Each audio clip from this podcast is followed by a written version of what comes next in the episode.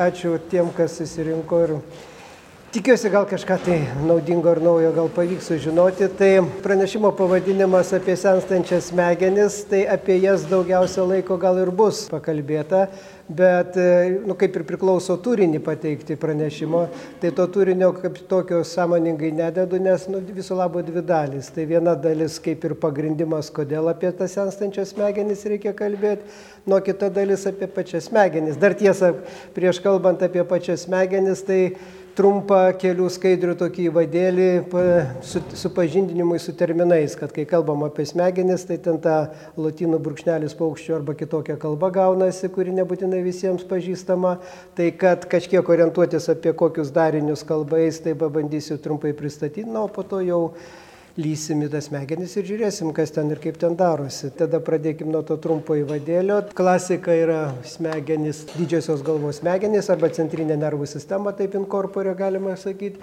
apie tai ir bus kalba. Klasikinė iliustracija, tai čia kaip matom išdidžiai mūsų viršui smegenis, pagal dydį jos neturėtų būti viršui, nu, bet sėki mes paaišom, tai patys kur norim ten ir įdedam iš tų smegenų, kas iš tokių bendrų dalykų. Aš iš karto, kas yra klasika ir, ir kur problemų yra. Pabandysiu apjungti. Tai vienas dalykas yra tas, kad kaip čia parodyta, kaip visur teisingiau matosi, smegenys tiem, kas jas turi, jie sudarytos iš dviejų pusrutulių. Tai tą kaip ir nuo mokyklos darželio laikų žinom, atrodo, kas iš to.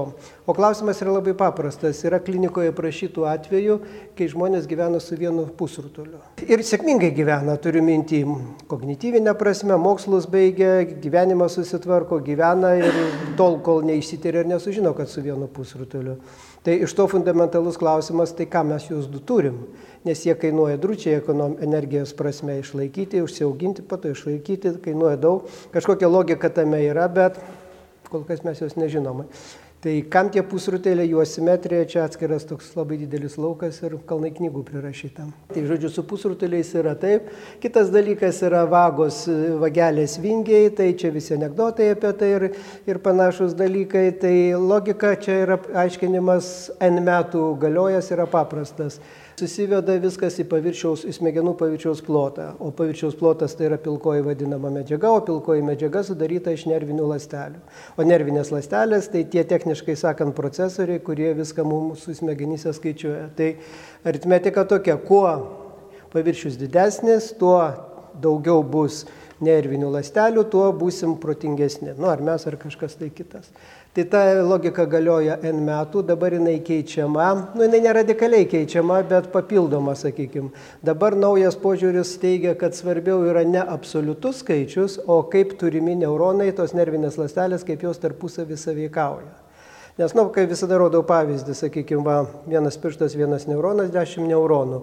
Tai jeigu aš taip laikysiu tuos neuronus, nu, tai kiekvienas padarys savo kažką, nu, jeigu kelsiu po vieną pirštą, nu, pakelsiu tiek, kiek ten, kilogramą kažkiek, nežinau. Bet jeigu aš sukabinsiu, tai aš pakelsiu žymiai didesnį svorį. Nu tai čia gal toks perbukas pavyzdys, bet parodyt, kad apsijungus pajėgumai didėja labai stipriai. O prieisim prie skaičių, tai pamatysit, kokie ten kosminiai skaičiai ir iš to, e, reiškia, tos galimybės, nu, kosmiškai ir išauga, taip galima sakyti. Nukrypstant nuo klasikos, tai čia taip atrodo gražiai, yra apsigimimai tie vadinama lizencefalija, tie žmogiukai lizencefalais vadinami mediko aplinkoje, tai kurių paviršius žymiai lygesnis, ribiniu atveju visiškai lygus. O toks balionėlis, sakykime, atsidarius kaukolę. Tai, nu, tai kai žinai, kaip turi būti ir žinai, kokios to pasiekmes, tai tas nuotraukas, nu, tiesiai pasakysiu, liūdna yra žiūrėti, bet, bet yra tokių variantų. Tai ten jau jiems su, su kognityvika jau prastai yra, tą reikia tiesiai vardinti. Skaičiai.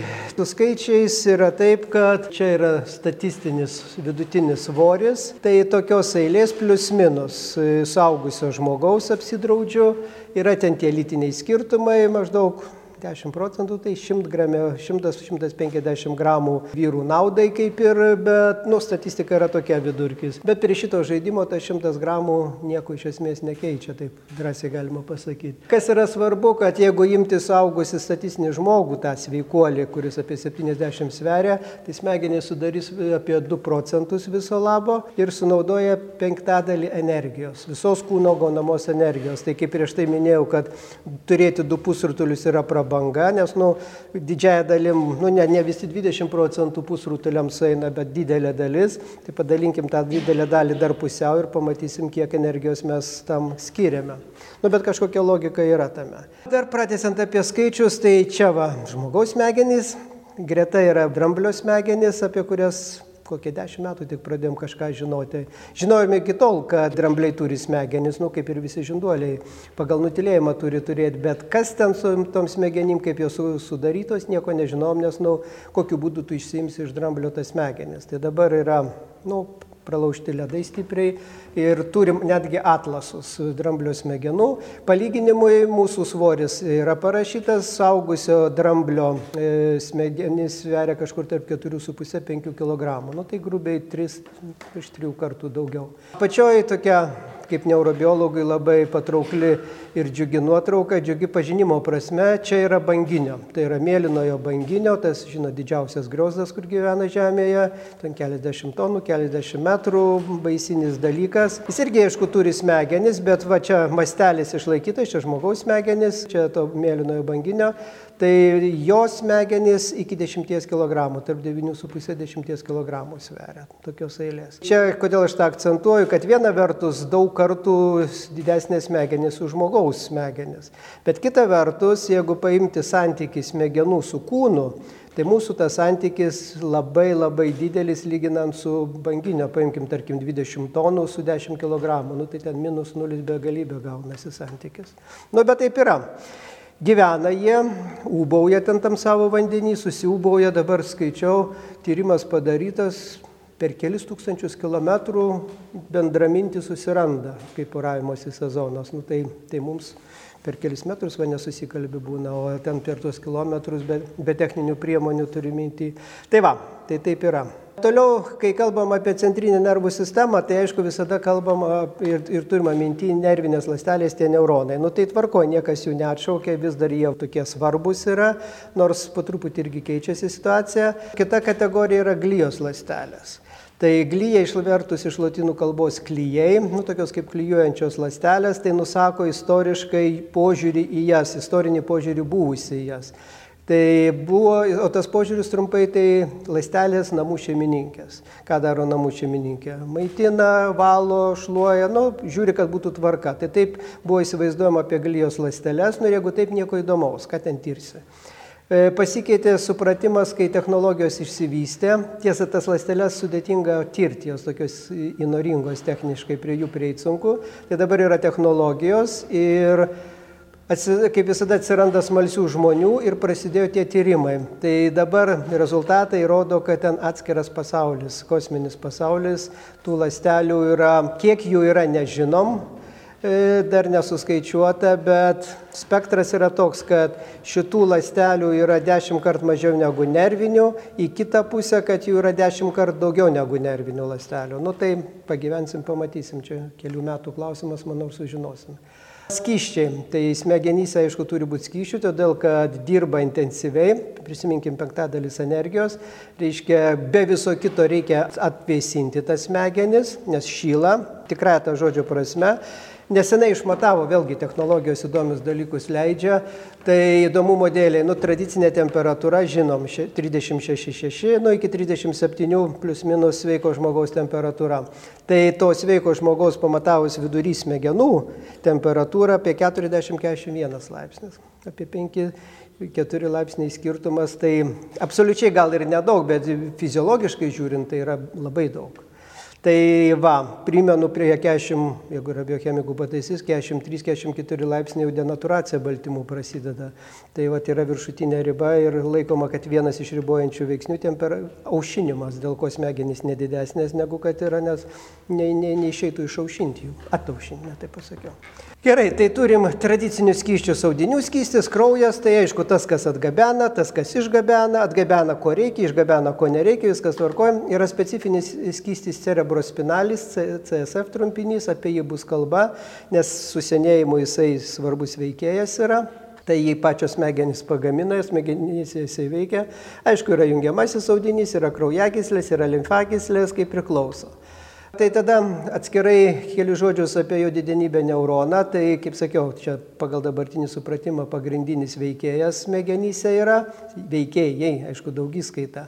Čia yra klasikinis įsivaizdavimas, kaip atrodo tipinis neuronas, tai turi kūną arba somą vadinamą ir turi ataugas. Tos ataugos yra dviejų kategorijų. Viena kategorija tai yra dendritai, trumpesnės ir tokios labai įsišakoja kaip krūminės ir viena atauga ilga, tarkim, banginio atveju jinai kelių metrų gali būti iš vienos lastelės ir ta tauga perduoda informaciją kitiems neuronams. Jis gale irgi įsišakojusi, kaip matote.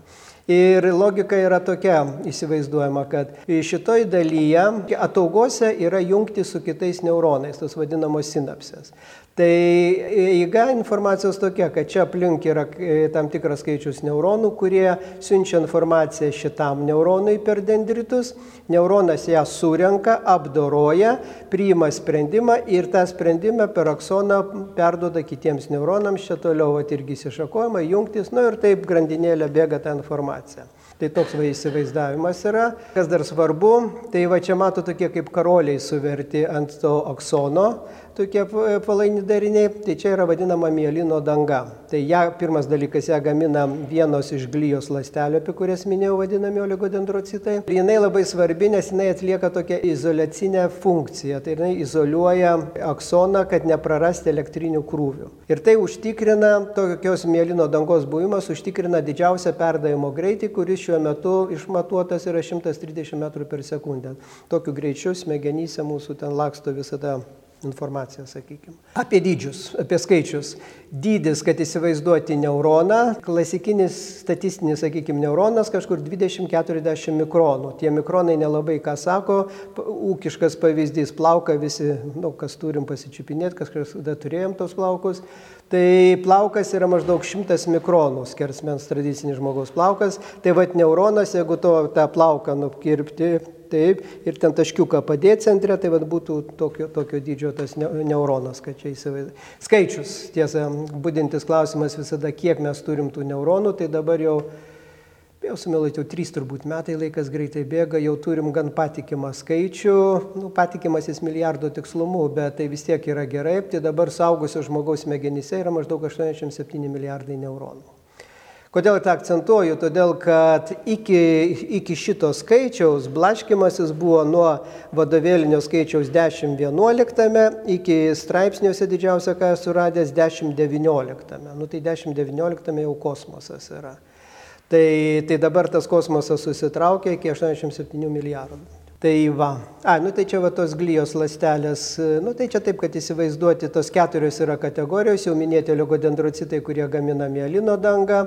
Yra va tokios mažytės žvaigždės, visas jos beveik žvaigždėtos, bet mažytės tokios yra mikroglyja vadinamos lastelės. Taip ta mikroglyja yra imuninės sistemos padalinys centrinėje nervų sistemoje. Ir jos iš tikrųjų fiziškai mažytės, bet jos labai aktyvios yra, jos daro labai daug. Jos tikrina jungtis tarp nervinių ląstelių, tas sinapses, neveiksnės sunaikina, išpreparuoja, dar prieš tai pabando patvarkyti, jeigu nesiduoda, tada išjungia. Tai šitas dabar kitas dalykas, jos siejamos yra su, su daugeliu neurodegeneracinių lygų.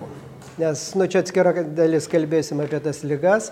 Tai nežinom jų priežasčių, bet vienas iš aiškinimų, kad mikroglyja aktyvuojasi ir pradeda, nu, taip fiziškai žiūrint, valgyti savas nervinės ląsteles, nu, ir tada tas apetitas nieko gero neduoda. Apie sinapses jau trumpai buvau užsiminęs, tai jungtis, nu čia įsivaizduom, vienas neuronas, į jį ateina dviejų neuronų informacija, nu ir čia taip tai jokiais tinklais klinda. Tos jungtis, kaip sakiau, vadinamos sinapsėmis, apie jų egzistavimą žinom nuo 20 amžiaus vidurio maždaug palei antrą pasaulinį karą. Tai realiai apie 70 metų tik tai žinom, kad jos egzistuoja. Tai yra be galo smulkus dariniai. Nu, čia, vat, jeigu pažiūrėt šitą išdidinimą, tai čia vat, vieno neurono galūnėlė išplatėjusi, o čia pagal spalvą jau tas primantysis neuronas. Tai esmė, va, tas tarpelis, per kurį vyksta informacijos perdavimas, tai tas tarpelis ir vadinamas sinapse, nu, kaip tas tarpelis su abiejų pusių membranomis. Vadinamas sinapse, tas tarpelis yra 20-40 60 nanometrų. Tai yra visiška nanobiologija, jeigu pasižiūrėt. Ir kartais studentai sako, tai ką čia po tos nanometrus knystis, ką tu čia mums apie juos pasakoja. O argumentas mano labai paprastas. Jeigu pasižiūrėti iš viso organizmo pozicijų, tai kaip žinia, sergam, turiu mintį žmoniją, ir, ir drūčiai serga, parodysiu kai kuriuos skaičius. Tai jeigu kalbam apie galvos smegenų lygas, tai absoliuti dauguma visų lygų kyla dėl problemų šituose nanometruose. Čia yra priežastis viso ko. Iš to seka, kad didžioji dalis atitinkamai vaistų skirtų nervų lygų gydimui irgi nukreipti veikti būtent šituose nanometruose. Tai tie nanometrai yra neproporcingai A svarbus, B besiplečiantis pažinimo prasme. Tai turiu minti, jeigu paimti sinapsių mokslą, tai atskiras mokslas, neuromokslų, neuromokslai jau platu, tam plačiam reikale dar yra savas platus skyrius sinapsių mokslas. Skaičiai. Tai taip dydžius įverdinau, dabar tie skaičiai. Vadovėlinis skaičius modeliuotams labai patinka ir atsiminti lengva, kad vienas neuronas vienu metu gali turėti apie 10 tūkstančių sinapsių. Tai čia vadovėlis teigia. Dabar tie straipsniuose daugiausia, ką esu radęs, apie 70 tūkstančių, kad vienas neuronas gali. Nu tai įsivaizduokime, atsistoja oratorius dideliam stadione ir kalba vienu metu 70 tūkstančių ir visi klauso įdėmiai. Nu, ir čia tas ryšys toksai. Ir tas klausimas, čia dabar taip, jeigu apie skaičius kalbėti, tas klausimas, jeigu taip galim pasakyti, keičiasi kas milisekundę, nes potencialai, kuriais informacija perdodama, jie trunka vieną milisekundę. Tai jeigu daryt nuotraukas, tai padarai nuotrauką čirkšt, nu taip greit ir nepadarysi, bet už milisekundės darysi, jau bus kita nuotrauka, todėl kad aktyvumas jau bus pasikeitęs. Nu tai vad, kad įsivaizduot, kas atsimena e, iš, iš matematikos kombinatoriką, 87 milijardai neuronų, tegul vadovėlį imkim po 10 tūkstančių sinapsių nu, tikrai spūdingas skaičius nulių susidaro, kiek tų sinapsių ir jos ten mirguliuoja, mirguliuoja ir va to mirguliavimo rezultate gaunasi, kad va vienas kalba, keli klauso. Ačiū, kad klauso ir taip atvyksta tas mūsų visas bendravimas. Toks dabar įsivaizdavimas yra to viso reikalo. Toliau yra pilkoji baltoji medžiaga. Čia yra galvo, žmogaus galvos smegenų pjūvis, taip jeigu per ausis pjauti, nu, taip plokštama tas koronalinis vadinamas. Na tai iš, iš išorės smegenys dengia pilkoji medžiaga, kaip matom, sandariai viskas apeina. Tai čia yra sandara pagrindė nervinių lastelių kūnai ir dendritai trumposios atogos. Po pilkąją medžiagą giliai didžiulį turi užima baltoji medžiaga. Baltoji medžiaga tai yra jungtis, techniškai pažiūrėjus, tai yra tie aksonai ilgosios atogos, apie kurias kalbėjau, kur po vieną turi neuronas. Ir jų yra, nu, 87 milijardai, kiek neuronų, tiek aksonų yra. Ir jos čia va taip visai kaip vinguriuoja sambūriuoja ir apjungia įvairiausias smegenų sritis. Kitas dalykas, jeigu matosi, čia vat irgi dėmelės tokios yra, tai yra dar viduje požievyje pilkosios medžiagos dariniai vadinami branduoliai brandolių sankaupos. Tai reiškia, nu toks kaip sluoksniuotis - pilkoji, baltoji, vėl pilkoji medžiaga, jeigu tai pasižiūrėti. Dabar dar kas yra svarbu, čia naivat mėlyna spalva parodyta skilveliai. Skilveliai tai yra tokios ertmės smegenyse, bet tenai jos netuščios, vėjas nešvilpoja bent daugumai.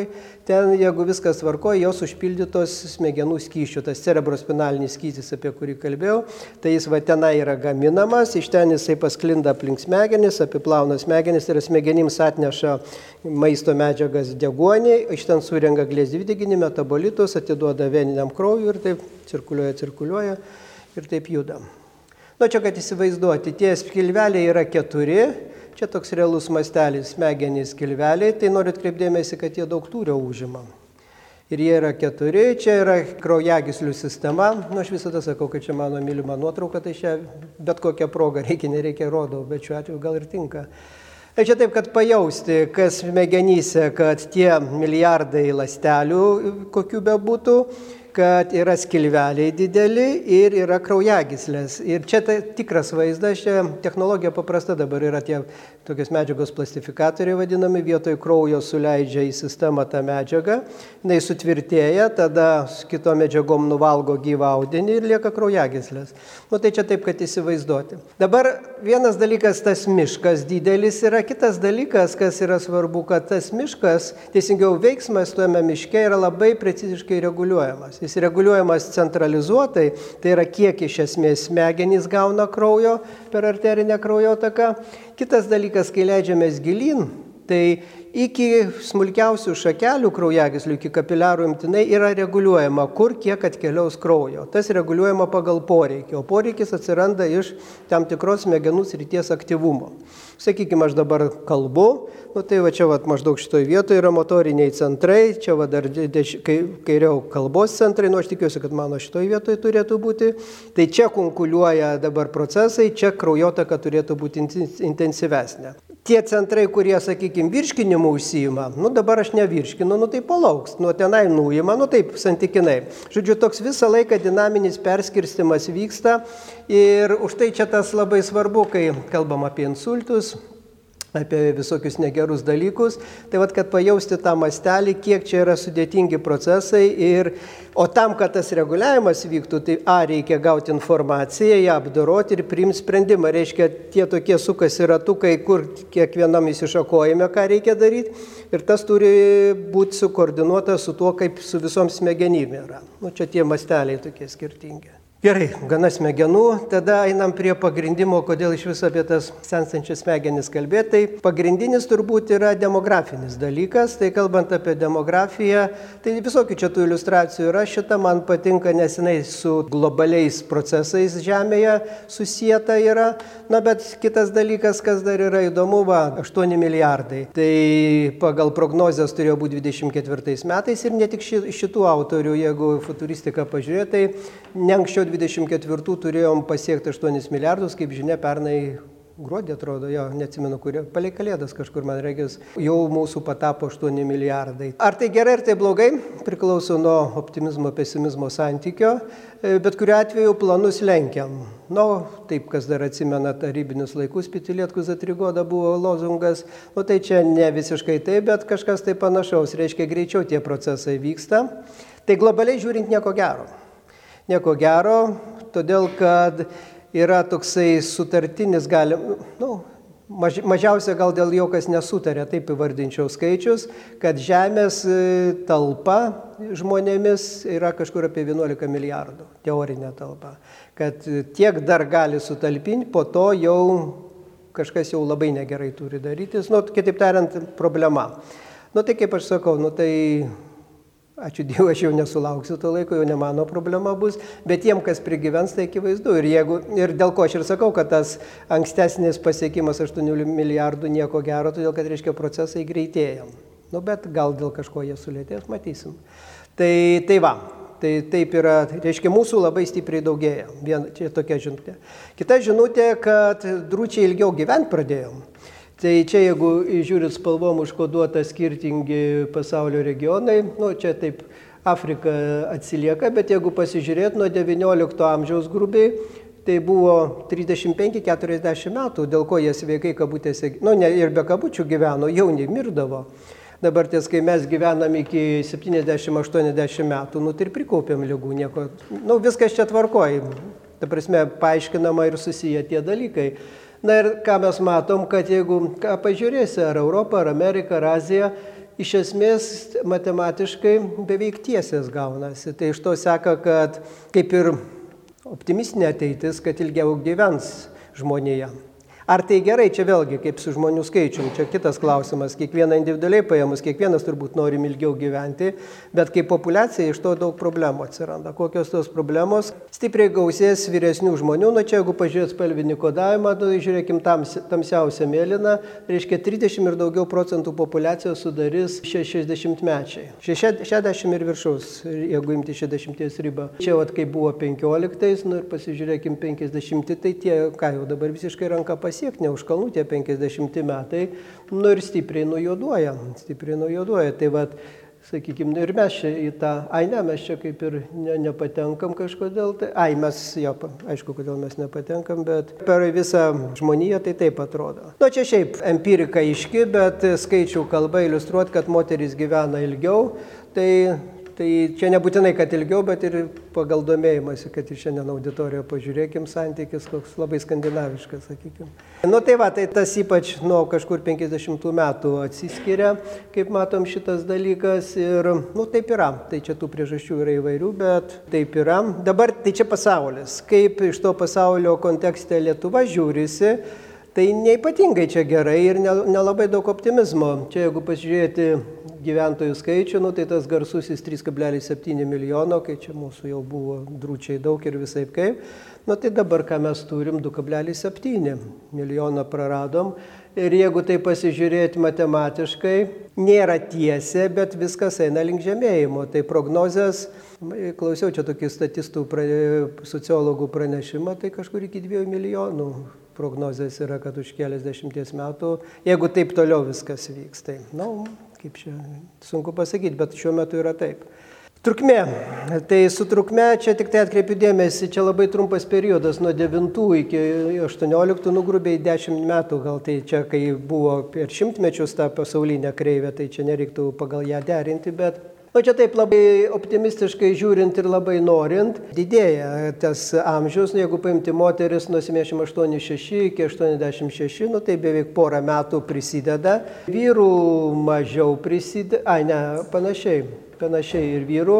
Reiškia, tas didėjimas yra, jis nėra septynmyliai šuoliais, bet, nu, bet didėjam, kažkiek pasaulį vejamės. Iki Japonijos toli, bet vejamės. Kai kalbam apie populacijos dydį, tai apsprendžia keli veiksniai, iš tikrųjų trys veiksniai. Tai yra gimstamumas, mirštamumas, imigracija. Nu, tai, kas veikia. Nu tai mirštamumas, tai maigalas, liūdna tema, žiūrėkim gimstamumą, bet gimstamumas irgi nelinksma. Jeigu pažiūrėt Lietuvą, tarkim, Latvijai, Estai, nu, Estai iš vis netgi kilt sugeba su Latvijai ir Latvijoje beje šiek tiek. Tuo tarpu Lietuvoje kritimas, nu ir toksai stiprus kritimas. O mirimas tai nemažėja, mirimas, man atrodo, dar net po truputį kyla, nu tai žirklės tos ir atsiranda, tai, nu tai ką padarysi. Aišku, yra imigracija, kuri savas taisyklės uždeda, savus pataisimus, bet tie tokie oponentiniai procesai yra taip. Dabar prieinam prie pagrindinio dalyko, kodėl kalbėti, tai rezimuojam, mūsų daugėja, mes ilgiau gyvenam, iš to seka, kad daugiau sergam, iš to seka daugiau reikia kaštų tai sveikatai tvarkyti. Tai čia yra amerikiečių statistika, amerikiečiai labai preciziškai viską skaičiuoja, tai iš jų daug įdomių duomenų yra. Na ir čia kaip pagal amžiaus grupės, kiek metams sveikatos išlaidos kainuoja. Tai jaunimas žemiau 4 tūkstančių, rimtesni žmonės jau apie virš 32 tūkstančių, apie 8 kartus. Nu tai nieko ir keisto, aišku, daugiau sergamumas, rimtesnės lygos ir visa kita. Tai dabar kaip padauginkim, kai daugėja tų vyresnių, jeigu atsimenat, buvo 35-40, nu sakykime, va čia būdavo riba, tai koks būtų biudžetas ir dabar su tokiu biudžetu, kai mūsų tie 8 ir daugiau milijardo ir, ir stumėsi viskas į vyresnių pusę. Sąnaudos didėja. Dabar ties pagal sergamumą. Tiek pasaulį, tiek čia aš iškart Lietuvą rodau, bet ir pasaulio analogiškai. Pirmoji vietoje ta šakaesas vadinama širdies kraujagyslių lygos. O tai čia infarktai garsieji, kraujagyslės, čia nesveikas gyvenimo būdas, visa kita susiveda. Tai iš tūkstančio gyventojų 66 beveik procentai šituos ar Bet šiandieninės paskaitos kontekste specialiai apvedžiau, čia įskirta, nu, dėl kažkokių sistematikos ypatybių, nervų sistema ar psichika į du skirtingus punktus, bet ir vienas ir kitas susijęs su smegenimis. Tai jeigu taip žiūrėti funkciškai per priežastis, apjungim šitą, tai įtikinama antra vieta būtų nervų sistemos lygos. Tai šitas dalykas dabar ties, nesinori gadinti nuotaikos, bet kaip sako, teisybė brangiau. Čia kaštai, sveikatos kaštai Lietuvoje, tai optimistiškai žiūrint, kad tai kreivė analogiška amerikiečių kreiviai, liūdnumas yra, jeigu pažiūrėti skaičius. Nu, čia realiai eilė mažesni skaičiai, kiek, kiek mūsųse kaštai tenka mūsų sveikatai. Tai nereiškia, kad mes mažiau sergam ar pigiau, kai, nu, pigiau kainuojam dėl to, kad nu, mūsų sistema mažiau tam pinigų skiria. Tai taip yra. Dabar grįžtant prie ilgamžiškumo, tai ilgamžiškumas stipriai koreliuoja su demencija. Nu, tai yra tas protinis, reiškia, visas su protinė veikla susijusios problemos. Vėlgi, amerikiečių statistika milijardais dolerių, dešimtais metais kiek kainavo ir kokia prognozija 40 metams. Nu, čia išskaldyta į, pagal įvairias gradacijas. Imkim tie, kas yra direct cost, kas tiesiogiai su tuo yra susiję su demencija, tai 109, 250 29, pustrečio karto padaugės. Nu tai daugėja populiacija, ilgiau gyvena. Bet to technologijos vystosi, dar viena dedamoji. Optimistinė dalis, kad vystantis technologijom gerėja gydimo, diag, pirmiausia, diagnostikos ir gydimo metodikos, bet liūdnoji dalis, kad tos naujos technologijos tradiciškai yra brangios ir labai brangios visą tai turi gydantieji, besigydantieji padengti, nu, tai taip ir gaunasi. Konkretus pavyzdys Alzheimerio lyga, nu čia iš vis, kaip sako ta vokiečių kompanija, Alzheimeris, Parkinsonas, kur dažniausiai kartu vaikšto, tai vėlgi amerikiečių statistika nuo 10 iki 50 metų, nuo 4 iki 14 milijonų turėtų būti sergančių. Tai yra didžiulė našta, todėl kad Alzheimerio lyga A kol kas nežinom priežasties to mechanizmo tikrojo, kai nežinom šito sunku kurti gydimo metodikas, nu, dirbam apgraibom, bet tų tikrųjų metodikų vis dar nėra. Iš esmės, kai jau tas prasideda, nu, tai ir viskas žmogus jau pasmerktas yra. Čia kaip atrodo tos smegenys, čia sveiko žmogaus, čia vaizdas iš šalies, iš šono, tai čia yra dešinysis pusrutulis, čia yra tas koronalinis pjūvis, kaip atrodo. Ir čia jau taip pažengusios Alzheimerio lygos atveju, tai vienas dalykas matom, kad vagelės žymiai pagilėjusios ir paplatėjusios, kitaip tariant, pilkosios medžiagos arba žievės stipriai sumažėja su visom iš to šiandiečiam pasiekmėm, O liūdnoji dalis va čia matosi, jeigu pasižiūrėt, nu čia tie judėsiai, tai yra skilveliai, kurie normos atveju maždaug taip atrodo, čia tie, kur keturi mėlyni sukosi smegenyse. O čia va kaip atrodo Alzheimerio lygos. Tai primenu, kad viskas toj pačioj kaukoliai kaulinėje yra, tai jeigu taip, tai reiškia tiek stipriai sumažėto nervinio audinio. Nu ir turim, ką turim tada. Dėl senėjimo teorijų, tai čia tik tai pailustruoti noriu, kad šiuo metu nėra vieningos kažkokios visuotinai primtos tos teorijos. Yra daug tų teorijų, jeigu pasižiūrėti įvedus tą senėjimo teorijas, tai ten, oje, kiek jų galima pririnkti. Čia aš tik tai keletą pavyzdžių, kad, tarkim, tos vadinamos programinės ir klaidų. Čia kiekvienoje toje kategorijoje vėlgi ir radikalų, iki DNR konkrečiai eina, gyvenimo greičio, visokių čia tų teorijų, bet kadangi nėra tos vieningai primtos, nu, tai žmonės kūrė, nu vis tiek kažką reikia sugalvoti, kad paaiškinti. Bet kol kas reiks palaukti šito dalyko. Amžius. Amžius gali būti vertinamas skirtingai. Viena vertus atrodo intuityviai, kad ir viskas aišku, bet, na, nu, kaip ir tuoj parodysiu. Tai vienas variantas yra chronologinis. Tai čia tas aiškiausias, tai kai sako pasą pažiūrėjai ir žinai, koks savo chronologinis amžius, jeigu užmiršai. Kitas dalykas yra vadinamas biologinis amžius. Tai čia jau amžius, kurį vertina pagal fiziolog... nu, biologinius, fiziologinius žmogaus kūno parametrus. Kraujospūdį, širdies veikla, fiziniai pratimai, kuriuos gali žmogus atlikti atlikti. Nu, yra tos metodikos įvertinančios biologinį amžių, tai čia atskira dimensija. Tada yra psichologinis amžius, tai kaip žmogus jaučiasi. Nu, tai čia dabar ta populiari, kiek ir suprantu, laida pasas meluoja ir, ir panašus dalykai, ta prasme, kad ten pasas rodo vieną skaičių, žmogus viduje, nu, kai ten amžinai 18 ir panašiai, 18 tai jau blogai, bet jeigu realesnis skaičius, tai gerai. Ir galiausiai yra socialinis amžius, ketvirtas aspektas, tai kaip tu jautiesi, kiekos metų, tai tavo reikalas, bet svarbu, kaip kiti tave vertina. Tai tu gali būti ir 18 ir 16, bet kiti sakys tau 60 nu, ir, ir neturėsi argumentų. Tai va, tai reiškia keturi tokie aspektai priimtini yra. Dabar jeigu atkreipia dėmesį, jie yra skirtingom spalvom pažymėti. Tai yra biologinis ir psichologinis mėlynai. Kodėl? Todėl, kad tai yra du aspektai, kuriuos žmogus gali valingai veikti. Ta pati biologinė amžių. Viena vertus genetika, aišku, jinai yra visa gali, jinai, taip sakykime, pradmenį sudeda, bet po to gyvenimo būdas, kaip žmogus gyvena, sveikai, nesveikai ir, nu, čia ilgos istorijos prasideda, šitą dalyką labai stipriai galima paveikti. Lygiai kaip psichologinė amžių požiūris, tai jeigu man 50, tai jau čia kilpos reikalas ieškotis, jau čia baigėsi gyvenimas, ar čia tik prasideda gyvenimas. Nu, vėlgi čia susitart su savim svarbu ir ar nuo to priklauso, kaip jautiesi, o nuo to per tą vadinamą psichosomatiką ir, ir fiziologinis, tas biologinis amžius, na, nu, žodžiu, viskas čia susiję yra. Tvarkoj, tai ilgiausia, kas dokumentuota, tai šita ponė, ilgiausia gyvenusi, tai šita ponė, 122 metai, naudručiai pagyveno. Bet vis, jeigu pasižiūrėti, tai man atrodo, virš, iki 120 kars nuo karto pagarsina vis dar švenčiančius. Tai, nu, ne 120, bet mūsų buvusio fakulteto profesorius Paškevičius rytoj. O, man laik, ne rytoj, penktadienį, penktadienį išves 99 metus. Veiksnus žmogus, puikiai veikiantis protas, fiziškai judantis normaliai, dar ateis į fakultetą, atšves savo 99 metų jubiliejų. Nu, fantastika yra. Tai va, kai kalbam apie tą amžių, tai vėlgi, tai kiek čia žmogus turi gyventi. Tai visokių tų teorijų išgrinus du skaičiai pagrindiniai, tokie realistiniai plius minus. Vienas tai 120-125 metai, nu tai šitą ponę tą kaip ir pagrindžia. Kitas skaičius yra 150 metų. Čia daugiausia remiasi genetiniais tyrimais, nu, atsėti tiek turėtų gyventi. Prisiminkim kaštus, prisiminkim sergamumą, tai jeigu čia visi masiškai pradės gyventi 150, tai iš ko išlaikysim, kas pensijas uždirbinės. Nu, aš čia taip šaržuoju biški, bet, nu, bet tai realizmas. Nu, tik tai tiek, kad per vieną dieną taip nepasidarys, tai, tai kažkaip taip. Nu, čia dėl ko iš ko tas ilgamžiškumas, nu tai aišku, genetika, aplinka, gyvenimo būdas, nu čia stebuklų nėra, čia priežastys kaip ir, kaip ir aiškios, bet nu jas reikia sutvarkyti. Tai dabar einam jau prie pačių smegenų. Tai vienas dalykas, jeigu trumpai, tai nieko gero su tom smegenim nesidaro su amžiumi ir šitoje vietoje galim skirstytis, nu, bet jeigu pasižiūrėti detaliau, tai pabandykim. Tai mažėja smegenų turis.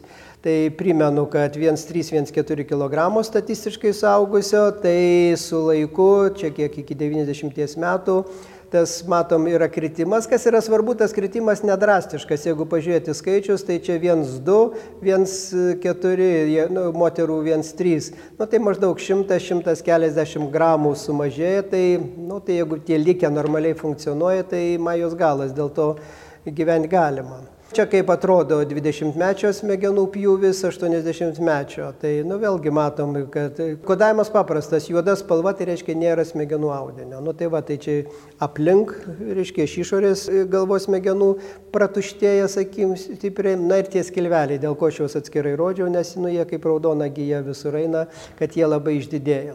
O kai jie išdidėja, nu, tai iš to pasiekmes atsiranda.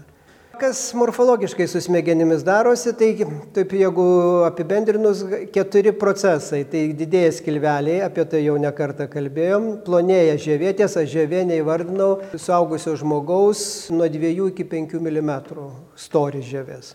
Vadovėlį, jeigu pažiūrėti tradicinį, tai 2 mm vis dar rašo, bet dabar jau žinom, kad storis žievės labai priklauso nuo smegenų srities. Vienoje srityje gali būti ploniau, kitoje storiau, tai tas spektras nuo 2 iki 5 priedo individualų skirtumai, tai jinai plonėja. Nu tada sumoji visos smegenys mažėja, apie tai irgi kalbėjom, na ir vagelės platėja, kas irgi jau nekarta buvo minėta. Tai čia dabar tie skaičiais, kad iki 9 metų kas po procentą priauga, nuo 13 metų kaip ir stabilizuojasi čia paauglystė, iš to ten tie liksininiai visi dalykai, dėl to, kad ten tiem paaugliam, nu, dabar taip, sakykime, iš neuro pusės žiūrint, nepavydus tas laikas, nes kas ten darosi baisu, ten. Neuro prasme ten kunkuliuoja, priedo hormonai atsibunda, įsijungia, tai ten yra ten reikalų, nu bet yra kaip yra.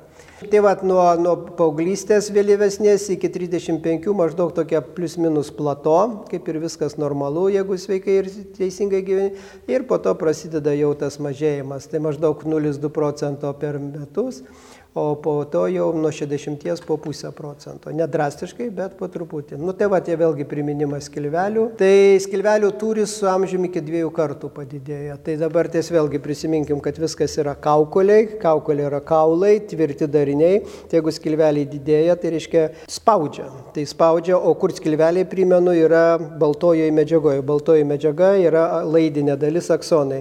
Tai jeigu spaudžia, reiškia spaudžia tuos aksonus, blogėja perdavimas informacijos iš to liksininės pasiekmes atsiranda. Kraujotakos problemos, kraujotakos problemos atsiliepia aprūpinimui smegenų, iš to smegenų veiklos pokyčiai. Nu, viskas yra susiję susipinę. Cerebrospinalinis skystis, apie kurį nekartą jau užsiminęs buvo, tai kaip čia šitą animaciją rodo, kad skilvelyje jisai sekretuojamas ir jisai čia vat aplink smegenis paplinta, čia nusileidžia į nugaros smegenis, na, nu, žodžiu, pastoviai tas vyksta.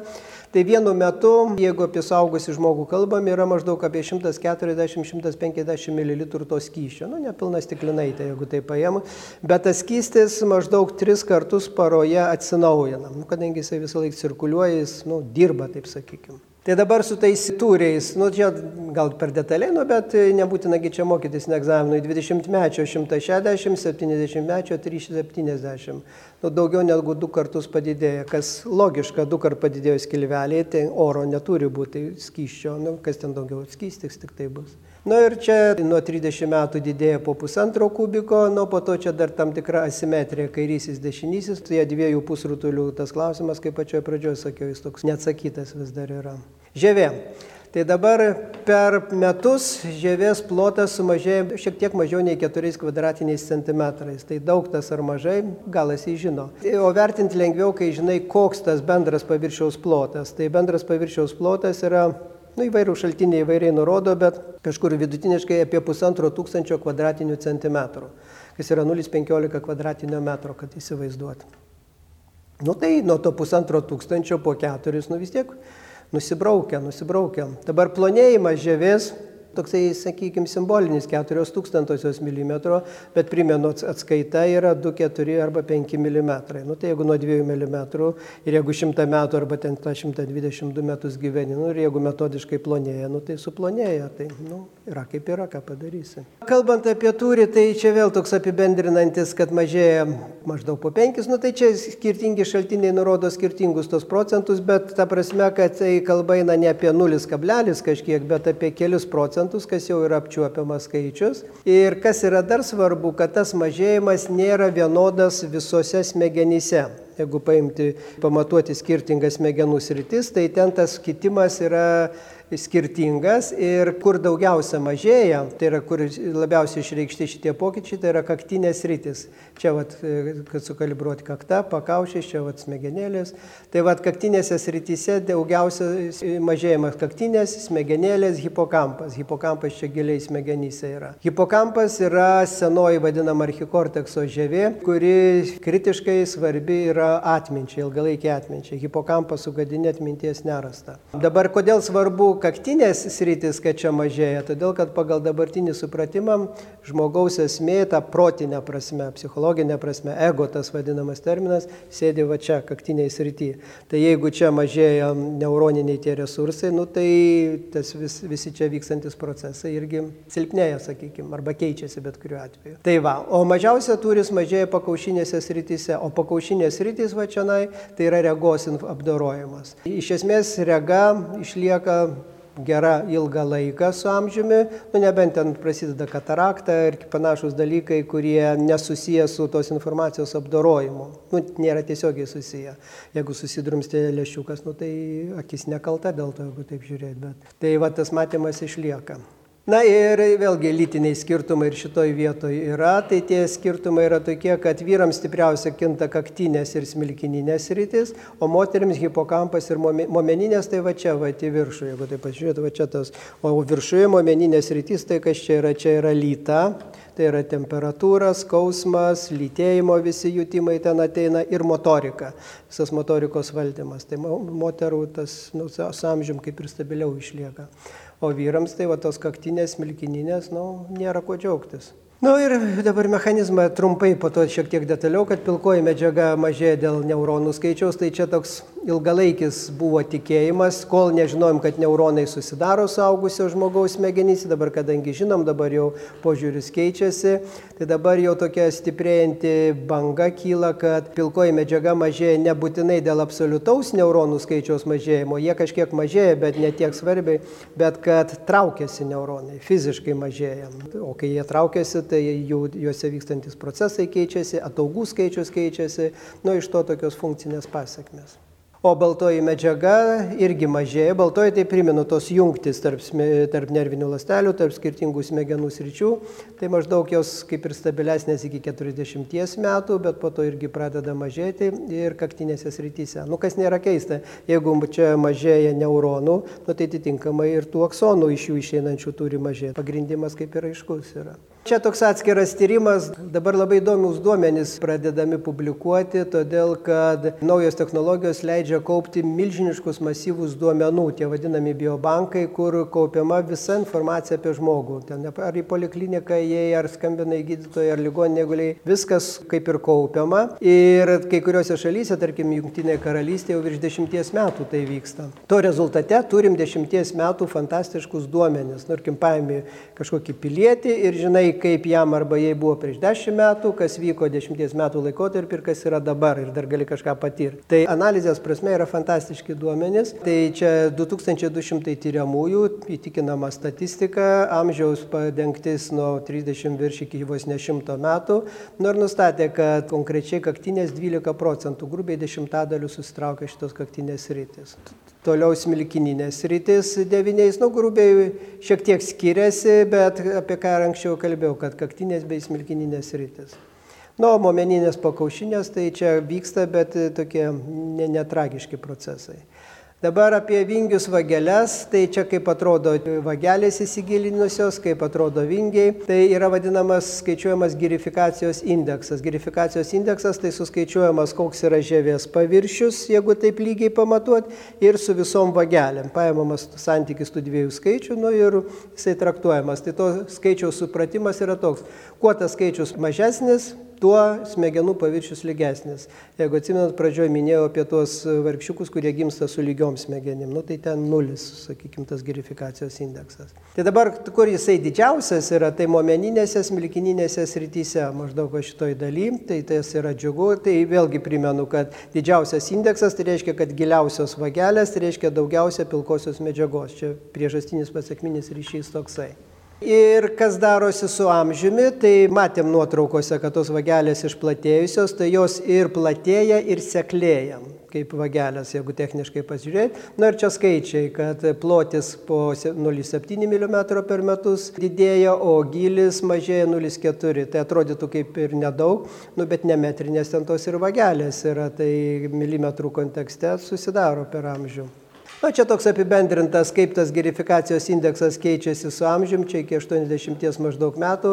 Matom kritimą, tik tai noriu atkreipdėmėsi, kad e, į kokią šis, kad apačioje yra ne nulinė vertė, o 2,4, tai nuo 3,4 iki 2,4, nu grubiai arti trečdalio sumažėja tas indeksas, kas iš esmės yra apčiuopiama.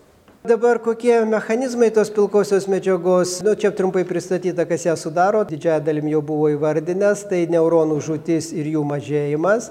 Dar kas yra svarbu, astrocitai yra dar viena kategorija glijos ląstelių, apie glijos ląstelės užsiminiau, apie astrocitus atrodo nekalbėjau. Astrocitai tai ten iš vis barbės davindarbės. Kiek betiriam, tai tik tai akiratis plečiasi, kiek jie visko daro ir neaišku, kur pabaiga. Darbštumas neišpasakytas tų astrocitų yra, tai su amžiumi jie praranda funkcijas kai jie praranda funkcijas, tai tada pasireiškia problemos ir neuronams, nes astrocitai labai funkciškai stipriai susiję su neuronais yra. Ir e, vakar atrodo skaičiau, kad pademonstravo nu, labai ten gražiai, kad įsiminimas, nu šiaip viskas, kad neuronuose įsimenama yra, o pasirodo tam, kad neuronai įsimintų, tai astrocitai turi pavadovauti, nu čia kaip šeimoje, kas kaklas, kas galva, taip jeigu pritaikyti analogiją, tai visa garbė neuronui, o panašu, kad tą juodąjį darbą astrocitas padaro. Nu, keičiasi bet kuriu atveju požiūris. Taigi, ką norėjau pasakyti, kad kai astrocitai jau blogėja, tai tada ir neuronams blogėja. Metabolizmas, tai yra medžiagų apykaita blogėja. Kai metabolizmas blogėja, reiškia daugiau kaupiasi tų metabolitų, tų nereikalingų medžiagų, kurios turėtų būti pašalinamos. Jeigu jos kaupiasi, tai nieko gero, iš to prasideda visokie procesai, kurie pasireiškia imtinai iki ląstelių pažeidimo. Na ir baltymai, yra nefunkcionalūs baltymai. Be to dabar naujas dalykas, kad yra surastos ląstelės, kurios nefunkcionuojančios ląstelės, nes šiaip ląstelės tai yra tokie fabrikėliai, sakykime, organizme, kur gamina baltymus, nu įvairiausius baltymus, kurie atlieka masę funkcijų. Bet pasirodo, kad yra kategorija ląstelių, kurios va šiaip pat gyvena, bet nieko nedaro nu, savo malonumai, taip jeigu žmogiškai pažiūrėti. Bet siki jos yra, joms resursai skiriami, tai tada klausimas, tai kam jos reikalingos. Tai čia vienas iš naujų, naujesnių tokių uždavinių įsiaiškinti, kam jų yra, joba, kad jos ne vienetinės, kiek skaičiau, jų nemažai yra. Nu, bet pagyvensim, pamatysim. Na va, čia toks labai detalus išaiškinimas, bet man tai tokia vaizdyta iliustracija už tai įdėjau. Čia vėl priminimui neuronas, kūnas, dendritai, aksonas vienas, tas klasikinis. Tai dabar kas darosi su amžium, taip jau drūčiai pagyvenus maždaug dešimtadaliu sumažėja dendritų ilgis, šitų ataugų ilgis. Primenu, dendritai lygybė ženklas jungti su kitais neuronais, tai yra sinapsės. Tai grubiai galima ekstrapoliuoti, kad vos ne dešimtadaliu sumažėja jungčių, nuo sumažėja jungčių reiškia tas visas procesingas techniškai kalbant sulėtėja. Kitas dalykas mažėja spigliukų tankis. Spigliukai tai dar neminėjau, bet čia Matosi čia, na, vat, kaip yra dendritai, tai jie, jų paviršius nelygus, o tokių vat, ataugėlių. Angliškai spines, nu, lietuvinant bandom spigliukais vadinti. O tie spigliukai, kam reikalingi, jie kaip atsikišimai, per juos realizuojamos sinapsės. Tai logika yra tokia, kad kuo daugiau dendritas turi šitų spigliukų, tuo potencialiai gali turėti daugiau sinapsių. Logika paprasta. Tai va, tai tų sinapsių, tų, tų spigliukų iki 50 procentų per pus gali sumažėti. Atitinkamai tiek gali sumažėti sinapsių nau su visom iš to išeinančiom pasiekmėm.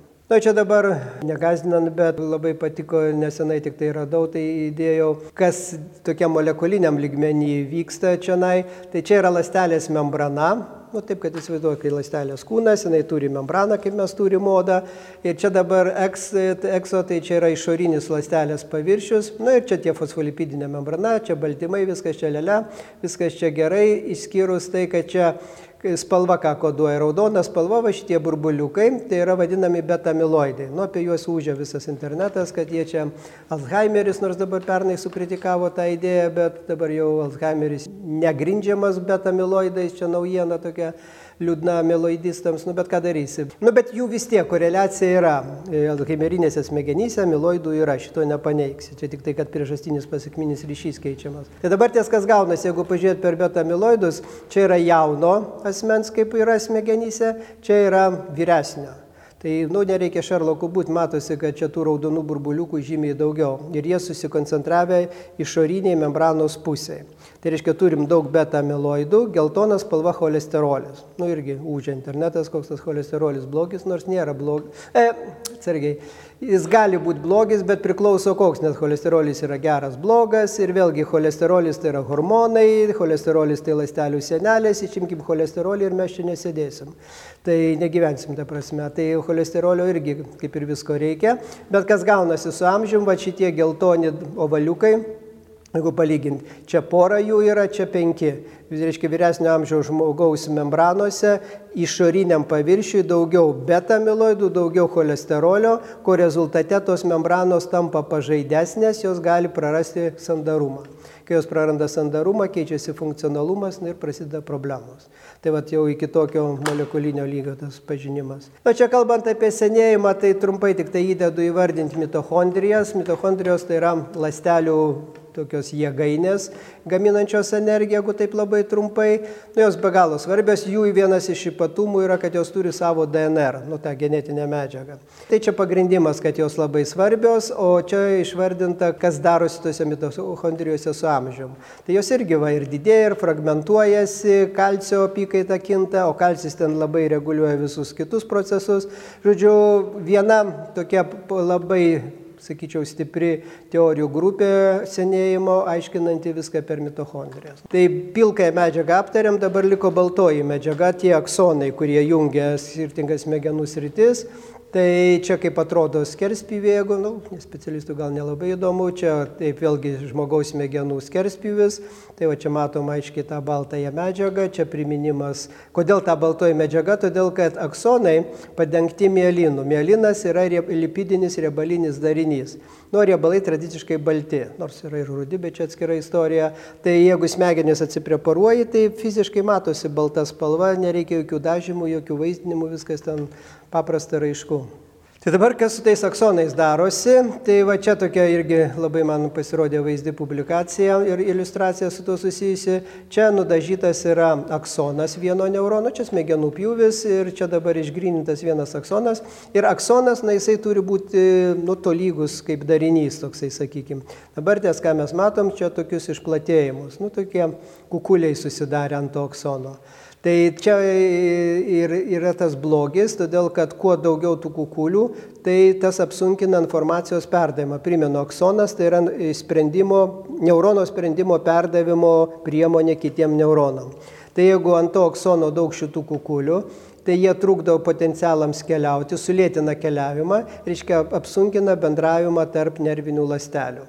Na ir čia na iliustracija labai akivaizdi mano galva amžius. Čia mėnesiais, tai dėl kad duomenys iš triušio smegenų, nu, tai čia neįsigaskit, čia mėnesių, čia ne žmogaus, čia nu, triušių penki metai jau drūtas amžius yra. Tai, ką mes čia turim, o čia šitų išplatėjimų skaičius ant aksono.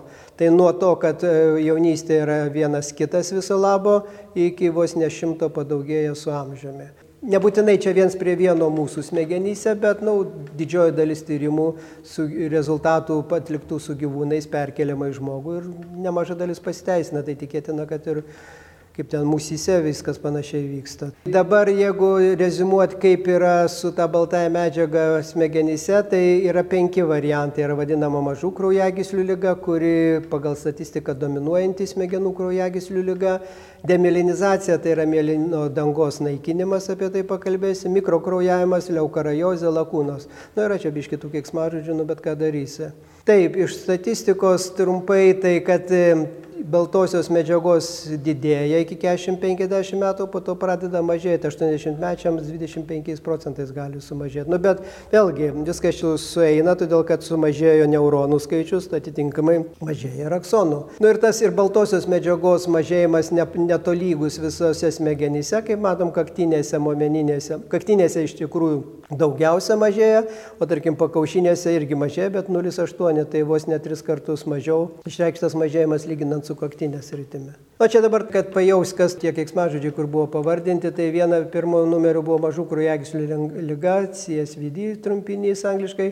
Čia kaip atrodo žmogaus smegenų pjūvis, tas koronalinis pjūvis sveiko žmogaus, o čia kraujagyslės. Čia tipinė smegenų kraujagyslė, viskas čia su ją gražu.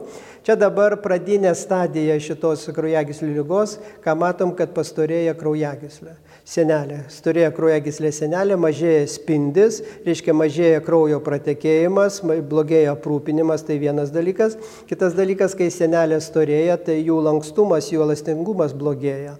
Iš to kraujaus spūdžio reguliavimas kinta ir visa kita. Ir čia jau tokia stipriai pažengusi stadija, jau liūdnoji, jau čia matosi vizualiai va tie pabalimai, jeigu matote, tai čia vat, šitos vidį pažeistos rytys stipriai yra. Kas gaunasi? Viena vertus šiek tiek suplonėja senelės, bet jos išlieka pastorėjusios, bet padidėja vidinis spindis. Tai rezultate, jeigu pamatuot čia, kokį turim kraujagyslės kerspyvį ir kokį čia, jisai čia žymiai didesnis. Tai reiškia, kraujagyslės įsiplečia, primenu, vėlgi viskas vyksta toj pačioj kaukoliai, kauliniai. Tai jeigu kraujagyslės plečiasi, reiškia spaudžia nervinį audinį, jam sunkiau funkcionuoti yra. Nu, čia fizika elementari. Tai taip yra su šita lyga. Su demilinizacija, tai demilinizacija vėl primenu, ta mielino danga, kuri kaip karoliukai ant aksono sudėti. Ir liūdnoji dalis, kad kartais imuninė sistema, kurią vienokia ar kitokia visi turime, ima ir nusprendžia, kad mielinas yra svetimkunis. Jeigu svetimkunis, jį reikia naikinti, nu tokia imuninės sistemos paskirtis yra. Ir kaip tam anegdotė, norėjau kaip geriau gavosi kaip visada, tai kadangi pradeda naikinti tą mieliną, Tai nu, ribinis variantas, kaip čia parodyta, be mielino. Ir kas gaunasi, jeigu taip nuvalgo tą visą mieliną, sutrinka informacijos perdavimas, potencialai jau neperdodami didesniais atstumais. Ir tai pasireiškia per motoriką pirmiausia. Tai galvos smegenys veikia normaliai, protavimas vyksta. Sakykime, aš noriu paimti stiklinę suvokiu, kad jinai yra, kad man jos reikia, bet nieko neįvyksta, todėl kad nuo, nuo motorinių neuronų informacija iki raumenų nenueina. Ta jungiamoji grandis išjungta nu, ir, ir viskas. Ir, ir tai yra nu, labai baisu, todėl kad žmogus, jeigu, ypač jeigu bent kažkiek pradmenis žino apie mechanizmą šito dalyko, tai nu, nieko negali padaryti ir, ir gydimo kol kas nėra. Leukarajozė, vienas iš tų tokių nežinomų žodžių. Čia yra tokie pabalimai, čia yra jau galvo, žmogaus galvos smegenų vaizdas žiūrint iš viršaus, tai vadinami horizontalūs pjūviai, atkreipiu dėmesį skilveliai, čia normalūs plus minus, čia jau šiek tiek didesni su amžiumi ir čia ta leukarajozė, tai bal, matosi baltai pažymėta, jinai matosi specifiškai tos tokios pabalusios rytis, kurios indikuoja apie kraujotakos pakitimus ir neurologai specialistai jau tai gali vertinti. Dar vienas sutrikimas vadinamos lakunos, čia jeigu pasižiūrėti smegenis irgi iš viršaus, čia kaukolė prapjauta, kaip matom, vienas blokas išimtas, kitas, nu ir čia kaip ir vandenvietėse lakūnos, tai yra išplatėjimai. Tai baisumas yra, kad kraujagyslės išplatėja ir baisumo keli aspektai. Vienas, tai jeigu išplatėja, tai daugiau priteka kraujo, jisai kaip ir išimamas iš sisteminės kraujotakos, nes jis užsilaiko tenai. Tai vienas dalykas, kitas dalykas, kai plečiasi kraujagyslė, tai didėja pavojus, kad jinai gali plyšti, o kai jau plyš kraujagyslė, tai nieko gero, kur jinai be plyštų, ypač smegenyse. Tai taip, kad tos lakūnos, nu, pavojingas dalykas. Kokie sisteminiai pokyčiai kraujotakos smegenyse, tai didėja arterijų standumas, primenu, sienelės storėja, ten tie visi, visos plokštelės kaupėsi, daugėja kraujagyslių pažaidų, mažėja kapiliarų. Kapiliarai tai yra pačios smulkiausios kraujagyslytės iki milimetro ir mažiau ir jie turi ploniausias įmanomas senelės per kapiliarus ir vyksta visa medžiagų apykaita.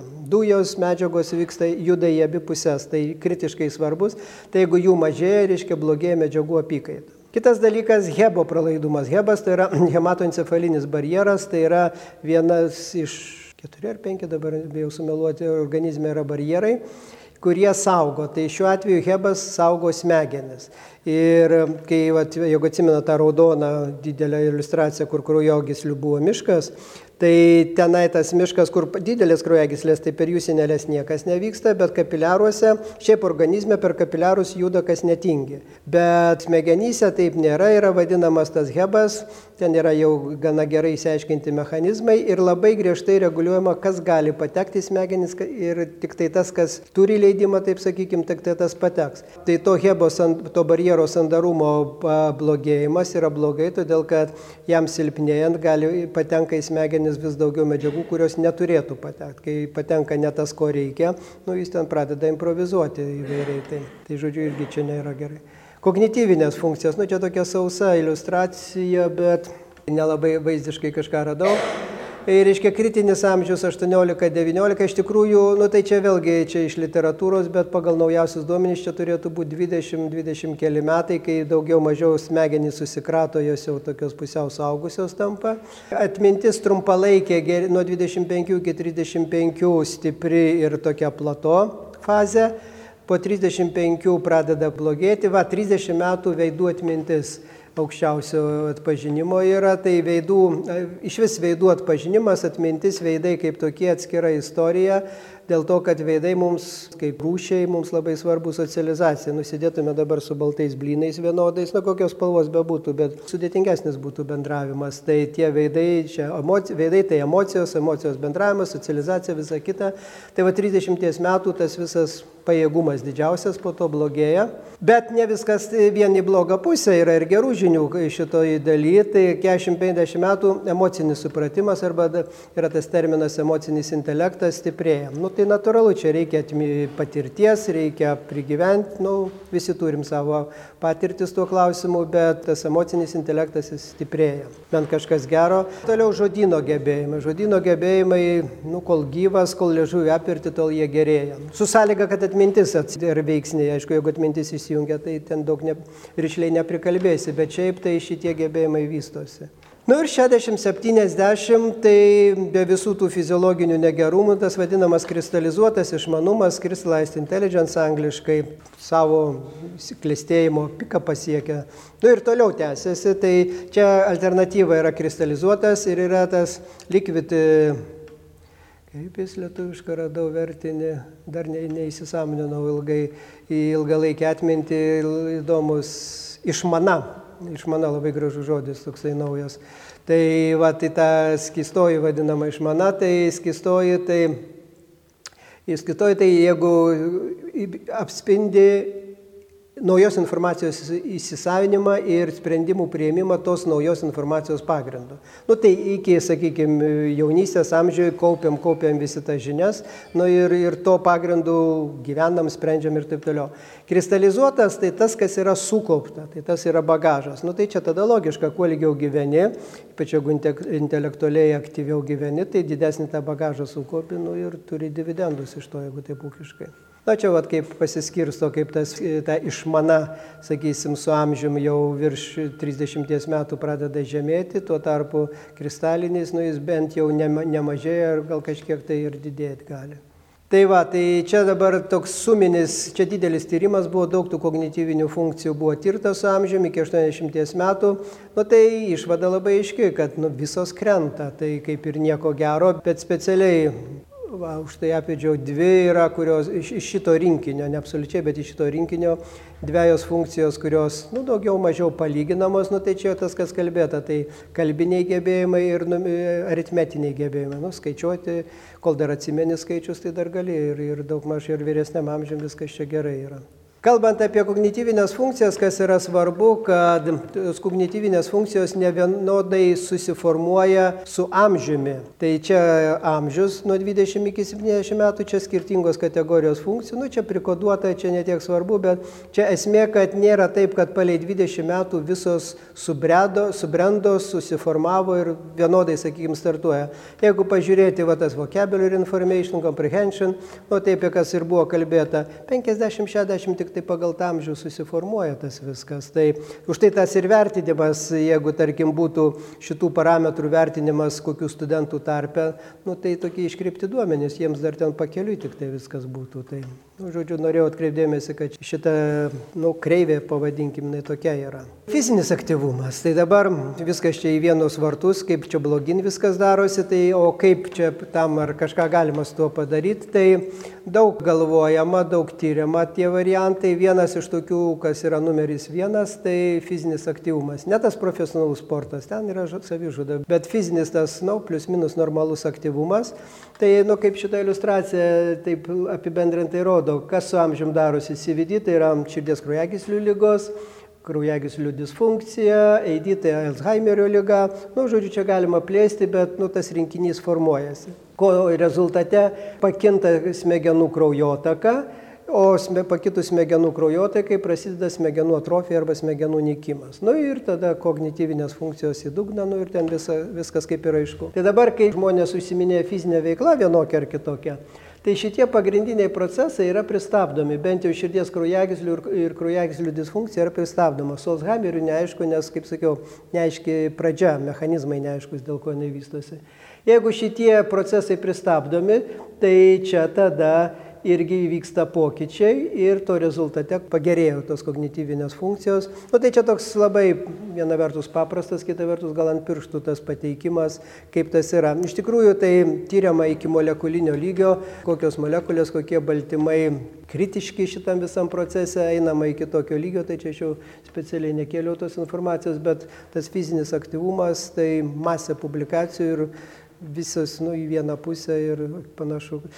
E, ne tik fizinis aktyvumas kaip toks, e, toks nekaltas atrodo dalykas, pasivaikščiojimas miške, irgi čia nesenai buvo publikacija, tai pasirodo pus, pusvalandis e, tokio ramaus pasivaikščiojimo miške, ne kažkur, bet būtent miške, labai stipriai sumaž... padidina atsparumą stresui, nuramina ir visą kitą ir su tokiu ilgalaikiu. Nu, tai sakykime, pagal galimybės, ar kas gyvena netoli, ar nuvažiuoti. Kitaip tariant, jeigu ir net reiktų važiuoti, tai ūkiškai žiūrint, tas nuvažiavimas vertas to pusvalandžio tiek, kiek sveika. O jeigu tas bus reguliariai daroma, tai iš vis. Na, čia dar iš tokių įdomesnių, tai visiškai šviežia publikacija JAV vėlgi 20 tūkstančių tyriamųjų rimtai, nu, kad naminiai gyvūnai lėtina. Nu, tai čia naminiai gyvūnai daugiausiai turi mašunis, ten kas kokius pitonus augina vargu ar labai ten senatvę sulėtins. Bet su šuniukais tai tas yra. Nu, ir geresnė atmintis. Dėl ko dabar, tai čia sunku pasakyti, čia vištos kiaušinio klausimas.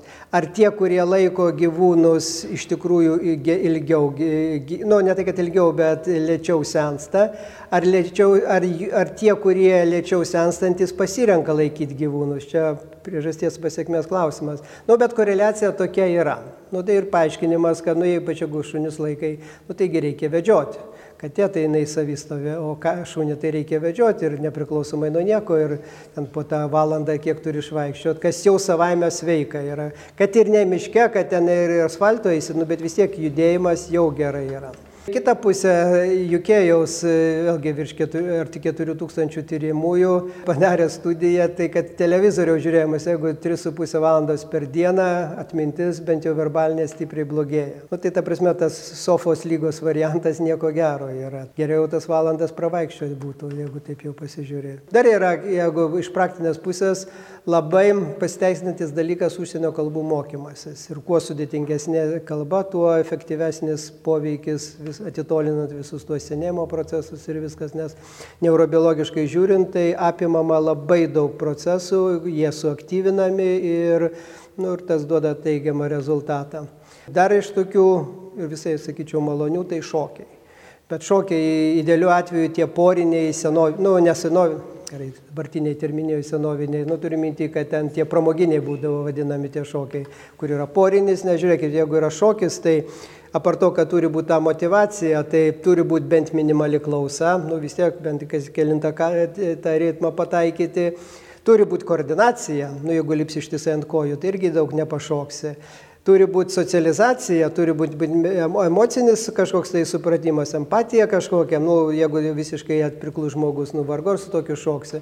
Masė, atmintis, tam, kad tą tokį sudėtingesnį šokį pašokti, taigi reikia visą judesių seką, tai vienas dalykas, kitas dalykas, reikia raumenys ištreniruoti, kad jie atitinkamai veiktų. Žodžiu, pozityvo čia labai daug tame visame reikale yra.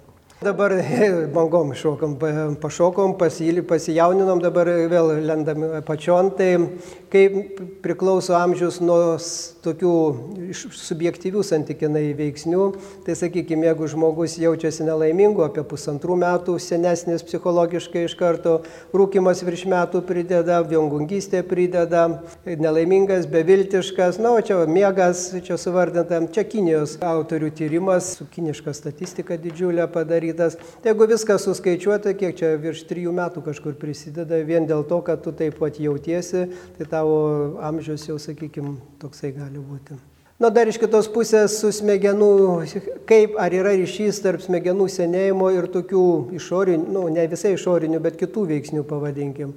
Na tai iš to, kas populiariausia, sakykime, kaip be būtų gaila, šizofrenija iki 8 metų sendina. Tu prasme, jeigu paimti 50 metį sveiką žmogų ir 50 metį sergantį šizofreniją, tai maždaug 8 metais gali būti vyres, vyresnės smegenys, jeigu taip objektyviai vertinti. Bipolinis sutrikimas, nu, kaip ir neturi įtakos, didžioji depresija, tai tas, kad major depression vadinama, tai yra prieštaringi rezultatai. Vieni rodo, kad turi, kiti, kad neturi poveikio, tai nu, laikas parodys, reikia daugiau tyrimų. Tai kalbant apie neurologinės lygas irgi yra įvairiai. Vidutinis kognityvinis pažeidimas, tas e, mild cognitive impairment, MCA trumpinys, iki irgi iki 10 metų duoda. Tai, nu, 10 metų, tai jeigu esi 70 metais, iš karto į 80 mečių kategoriją patenki, tai ne ką. Nu, Alzheimerio lyga tai akivaizdu, kad greitina, epilepsija greitina, išsėtinė sklerozė tai irgi, tai, kaip jau būtų keista, insulto yra prieštaringi rezultatai, nėra, kad dominuotų vieną kažkuria tai kryptį. Atitinkamai trauminis smegenų pažeidimas irgi, irgi yra skirtingi rezultatai.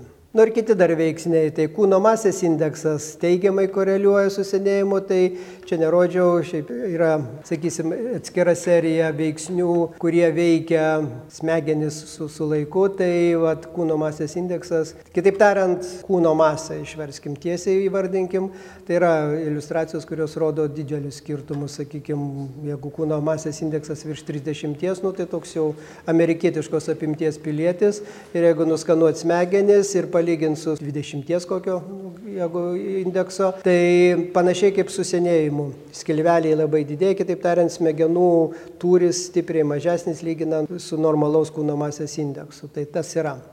jau kaip ir primiršom dabar COVID kontekste, bet yra ir toksai malonumas kabutėse, tai jisai greitina irgi. Nu, alkoholis, nikotinas tai greitina, tai čia abejonės nėra. Yra paskaičiuota, yra metodikos specialios vertinimo to smegenų biologinio amžiaus. Tai alkoholis apie pusę metų, nikotinas apie 0,7 atrodo metų prideda taip metodiškai pridedam. Meditacija, muzikavimas lėtina, na ir moterų smegenys lėtėja lėčiau. Ir čia yra įdomu, todėl kad e, mergaičių moterų smegenys dviem, trim metais greičiau bręsta, taip jeigu nuo vaikystės, nuo kūdikystės pradėti, nu, tai tas skirtumas jis ir, ir paauglystėje visur kur eina, bet su senėjimu apsiverčia. Ir tas skirtumas, jis neina kalba apie mėnesius, yra įvertinta maždaug 3 metais. Jeigu paim 50 mečius du moterį ir vyrą, tai moteris būtų kaip 47 metų smegenis. Tas, nu, tai tas 3 metų avansas, sakykime. Tai va, tai sveiki, sėkmingo senėjimo.